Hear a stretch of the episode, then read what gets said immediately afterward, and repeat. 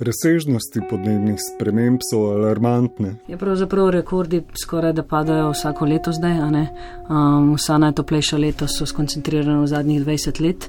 To je vse tisto, na kar so nas opozarjali že pred leti in leti znanstveniki. Uh, danes, kaj je razlika med danes in prej, je pa ravno v tem, da zdaj smo pa prišli do tiste točke, ko nam preti točka brez povratka. Tako ga je Brecelj iz Omonotere, ki spomni, da znanstveniki opozarjajo na to, da nimamo več časa za ukrepanje.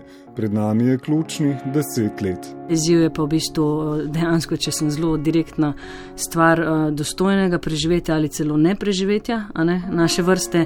In eh, znanstveniki so tukaj jasni, globalno se grejo, ne moramo omejiti na 1,5 stopinje nad predindustrijskim obdobjem.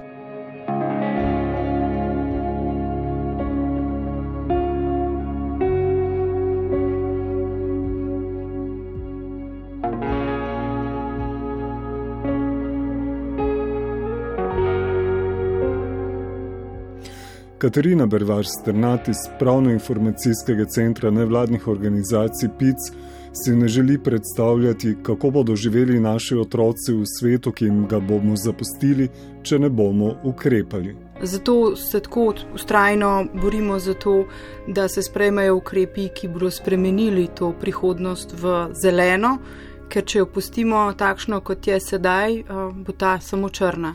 Gaja Brecel dodaja, da gre za osnovna vprašanja. Od tega, kakšno hrano bomo jedli, do tega, kako zdravo in varno bomo živeli. Tukaj to ni neka znanstvena fantastika, ampak gre v bistvu na, na naš vsakdan, eh, na, naš, eh, do, na našo dobrobit, ne na zadnje varnost, ne, ekstremni vremenski dogodki eh, in varnost naših družin, naših bližnjih. Gre v bistvu za pravico do življenja. Um, to je temelj tega, za kar se borimo, da bomo lahko živeli in da bomo lahko živeli v relativno zdravem življenjskem okolju, uh, ker samo takrat bomo lahko imeli tudi pogoje za uresničevanje drugih pravic. To se sliši vse lepo in prav, ampak ko pomislimo recimo na vse termoelektrarne na kitajskem denimo, potem se nam zdi ta naš T6 majhna zadeva. Ampak zakaj je pomembno razmišljati tudi o teh stvareh, oziroma kako bodo podnebne spremembe vplivali na Slovenijo, slovensko družbo? Mi smo še bolj izpostavljeni kot druge države. Ja, Slovenija je dejansko nadpoprečno podnebno ranljiva oziroma se greva se dvakrat hitreje od globalnega poprečja. In tukaj imamo odlične v bistvu, projekcije, ki so jih naredili strokovnjaki na Agenciji Republike Slovenije za okolje, ki v bistvu predvidevajo različne scenarije, kako bo šlo v Sloveniji. In po pesimističnem scenariju, ne, to se pravi, če ne bomo ukrepali, to pomeni praktično tri mesece vročinskega vala, ne, če smo bili do zdaj vajeni enega, dva, morda tri, to pomeni tri mesece v sklopu, to pomeni več suš, več poplav, več ekstremnih vremenskih dogodkov. In kaj to pomeni za v bistvu proizvodno hrano, kaj to pomeni za oskrbo z vodo, to so v bistvu ta, ta ključna vprašanja, o katerih govoriva. In tukaj so projekcije v bistvu zelo precej natančne, ne v tem.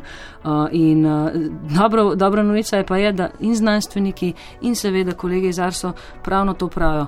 Um, vse je še v naših rokah, tehnologije obstajajo, rešitve obstajajo, da manjka samo še politična volja. Smo v ključnih trenutkih, ko bomo morali sprejeti pomembne politične odločitve in sprejeti odgovornost. Zato je nujno, da se v boju proti podnebnim spremembam angažiramo in aktiviramo vsi. In uh, nekaj držav je v resnici že razglasilo te izredne razmere. Um, tudi mest, naprimer Sydney, je zadnjo izmed teh. Uh, gotovo pa Velika Britanija, Francija, Kanada in Irska so zgled za razglašeno podnebno krizo oziroma klimatskim um, alarmom, kar kaže na to, da se države in posamezna mesta zavedajo, kako nujno je ukrepanje tako in zdaj. Verjetno pa politiki, ki razmišljajo strateško, razmišljajo o gospodarskih učinkih in tako naprej, ne morejo samo tega vidika izpostaviti, oziroma razmišljajo o kompromisih. So možni kompromisi tukaj. Dejansko tukaj uh, gre prav za to, da uh, nam ni treba žrtvovati okolja na račun dostojnih delovnih mest, daleč od tega, oboje imamo lahko. In še boljši odgovor morda na to je pa, da je temu pritrjujejo tudi analize Evropske komisije, ki pravi, da, bodo, da bo zmanjšanje emisij na niče, neto ničeno stopnjo, ne, kar se tukaj zasleduje, celo prinaša prihranke.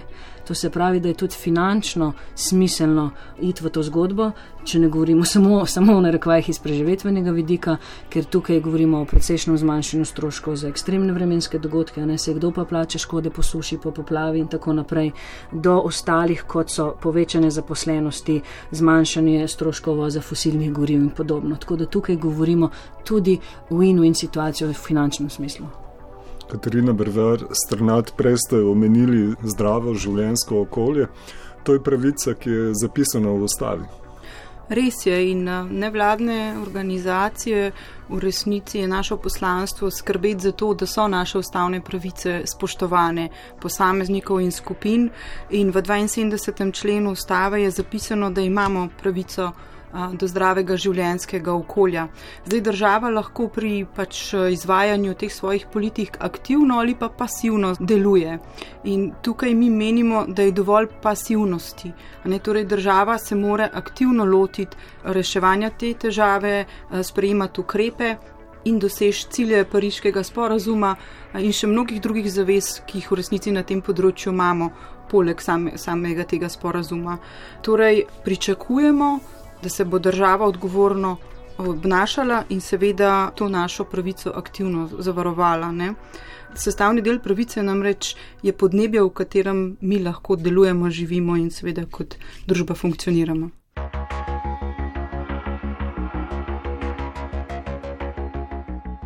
Več kot 150 organizacij, ki so se podpisale pod poziv vladi naj podnebne spremembe pripozna kot nacionalno krizo, ter jih začne obravnavati prioritetno in sistemsko, je prepričanih, da ima ta vlada zdaj priložnost, da se zaznamuje kot vlada, ki je razumela resnost podnebnih sprememb in se jih tudi resno lotila to ni samo stvar okolja ne, in okoljskega ministrstva, na kar se mnogo krat zreducira, ampak ravno to, kar je bilo tudi prej ne, izpostavljeno, naprimer stvar gospodarstva, a, to je tudi stvar šolstva, stvar energetike, prometa. A, skratka, gre za en celovit pristop in eno družbeno transformacijo, ne, ki gre vsa v isto smer, to je a, brezoglična družba. In če smo konkretni, to pomeni, na kakšen način se, se prevažamo v Sloveniji. Ali to pomeni še več avtomobilov na cesti, ali to pomeni učinkovit, javni, uh, dostopen uh, potniški promet, ali to pomeni več kolesarjev na hoje. Uh, kakšen način pridelujemo hrano. Ne? Tukaj vemo, da podnebju najbolj prijazna je rastlinska, ekološka, lokalno pridelana hrana. Na kakšen način pridobivamo energijo. Tukaj so znanstveniki jasni, do konca leta 2030 zapreti termoelektrarne v Evropi. To pomeni tudi naš T6, prehod na obnovljive vere, predvsem sonce, veter in pa uh, kot prvi ukrep zmanjšanje porabe energije. Tukaj imamo še ogromno, ogromno uh, potencijala in to tudi pomeni uh, cenejše življenje za ljudi, če saniramo, izoliramo svoje stavbe in tako naprej.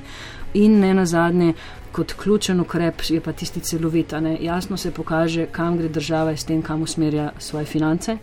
Če uh, subvencionira fosilna goriva, potem bomo imeli fosilna goriva, če pa ne, pa obratno. In danes v Sloveniji še vedno več subvencij namenimo za fosilna goriva kot za obnovljive vire energije. In to je tisto, o čemer govoriva, ne stran od pasivnosti v aktivno držo in s tem, da tudi jasen signal gospodarstvu. Gospodarstvo je absolutno pripravljeno na to, samo nekaj tistih ključnih velikih akterjev se oklepa v bistvu starega fosilnega modela. Je dovolj aktivna drža, če recimo prijedemo na električne avtomobile, ki pa bodo se poganjali na te šest nuklearno energijo in tako naprej? Super vprašanje, uh, ker uh, dejansko gre za to, ne, da ne gre samo, da v bistvu en ver zamenjamo z drugim in uh, ohranjamo življenje, kot ga imamo danes tudi naše ceste, naše pač fizično okolje ne prenese več tolikšne pločevine in tudi energetsko tega ne moremo rešiti samo, da nadomestimo, a ne z električnim. Odkje pridobivamo elektriko, to je to, kar sem govorila, ne tudi o obnovljivih verih, ne nuklearka, ne termoelektrarna, vendar lepo v prvi vrsti učinkovit javni potniški promet. In vidimo, kako to v drugih državah funkcionira. Ljudje ne potrebujejo več avtomobilov, zato ker pridejo hitreje, bolj udobno, ceneje, kamorkoli z vlakom, avtobusom in to sploh ni noben problem. Nevladne organizacije ste se odločili, da boste vlado pozvali k spremembam s peticijo. Se s peticijami danes še da doseči kakšne spremembe, glede na to, da jih je ogromno, nekatere nimajo nobene teže oziroma so banalne. Prav gotovo je pomembno vedeti, um, seveda tudi za vlado, predvsem za vlado, kako močno je strinjanje javnosti um, glede nekega vprašanja. In dejstvo, da je to, ta poziv podpisalo več kot 150 organizacij, med katerimi so največje slovenske zveze, kot je Planinska zveza, Čebelarska zveza, Zveza svobodnih sindikatov, občine, Zveza prijateljev mladine, kaže na to, kako pomembne sfere našega življenja v resnici to posega in si zato želimo sprememb na tem področju. In um, seveda mi podpise posameznikov in organizacij še zbiramo naprej do jeseni, ker vsta čas namreč je čas, ko ima vlada na mizi te ključne dokumente, ki bodo začrtali našo podnebno prihodnost in seveda mora biti vse čas seznanjena, kako pomembno je to vprašanje za ljudi v Sloveniji. Kateri so ti ključni dokumenti? To je nacionalno energetsko podnebni načrt, eh, dolgoročna strategija o podnebni politiki. Naprimer, ta dokument se sprejema do leta 2050, a ne to nam pove, kako pomembno v bistvu bo začrtalo našo prihodnost, zakon o podnebni politiki. Naprimer, to so vse dokumenti, ki zdaj bodo narekovali našo najmanj desetletno prihodnost. Nevladne organizacije pa si želimo, da se Slovenija zaveže, da bo dosegla oglično neutralnost do leta 2040. Specifika ne, tega poziva, res se strinjam, da je lahko veliko potici, je ravno v tem, da tukaj ne gre samo za poziv nevladnih organizacij, ampak presega to nevladno sfero in da uh, daleč presega to okoljsko nevladno sfero. In uh, ključno sporočilo je, da uh, družba je pripravljena, družba želi da vlada naredi tisto, kar ji veleva znanost in to je sporočilo. Pripravljeni smo narediti pravo stvar. Je čas, da prenehamo z ignoranco. Točno in da je izgovor to, da ljudje niso pripravljeni in kako bodo reagirali, s tem jim sporočamo, smo pripravljeni, želimo, da nas potegnete iz te podnebne gorle.